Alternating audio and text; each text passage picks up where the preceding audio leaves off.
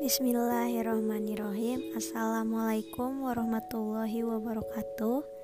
Halo teman-teman Bagaimana kabarnya hari ini? Mudah-mudahan teman-teman semua dalam keadaan sehat walafiat. Amin ya robbal alamin. Balik lagi dengan saya Satira Rifka Jani Dengan NIM 1902864 Dari Departemen Pendidikan Kewarganegaraan Fakultas Pendidikan Ilmu Pengetahuan Sosial uh, Universitas Pendidikan Indonesia.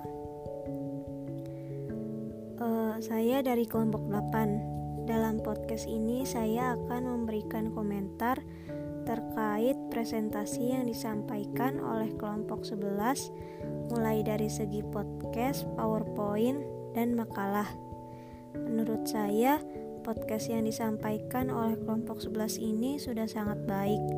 Masing-masing anggota kelompok yaitu Penafsaj dan Rostu Asri menyampaikan materi dengan baik dan mudah dimengerti. Lalu dari segi PowerPoint dan makalah, kelompok 11 juga e, pengerjaannya sangat baik.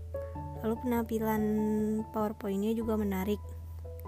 Nah, langsung aja kita bahas mengenai materi yang disampaikan oleh kelompok 11 yaitu As long as I see you on Facebook, I know you are safe. Social media experience as humanizing pedagogy. Dari judulnya, jujur saya tertarik sekali karena penulis ini menjelaskan bagaimana sosial media dapat menjadi cara atau metode belajar untuk memberikan edukasi humanisasi kepada peserta didik. Jika materi yang disampaikan oleh kelompok 11 ini diterapkan di Indonesia sudah cukup bagus, mengingat negara kita memiliki berbagai macam suku, bangsa, ras, dan agama. Kadang di masyarakat kita ini masih banyak terjadi diskriminasi uh, atau pertengkaran-pertengkaran yang jika tidak dapat diatasi akan menyebabkan perpecahan. Bahaya banget ya. Tapi perlu diperhatikan kalau ada minusnya juga nih dalam penggunaan sosial media.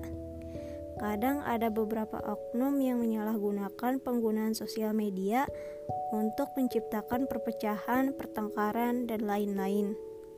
Sebagai pendidik, selain mengajarkan humanisasi, juga harus mengajarkan peserta didik agar dapat menggunakan sosial media dengan bijak. Uh, yang terakhir, saya mau ngasih pertanyaan buat kelompok 11.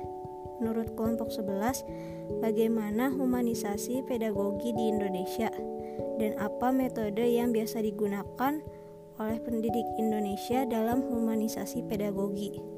Sekian, wassalamualaikum warahmatullahi wabarakatuh.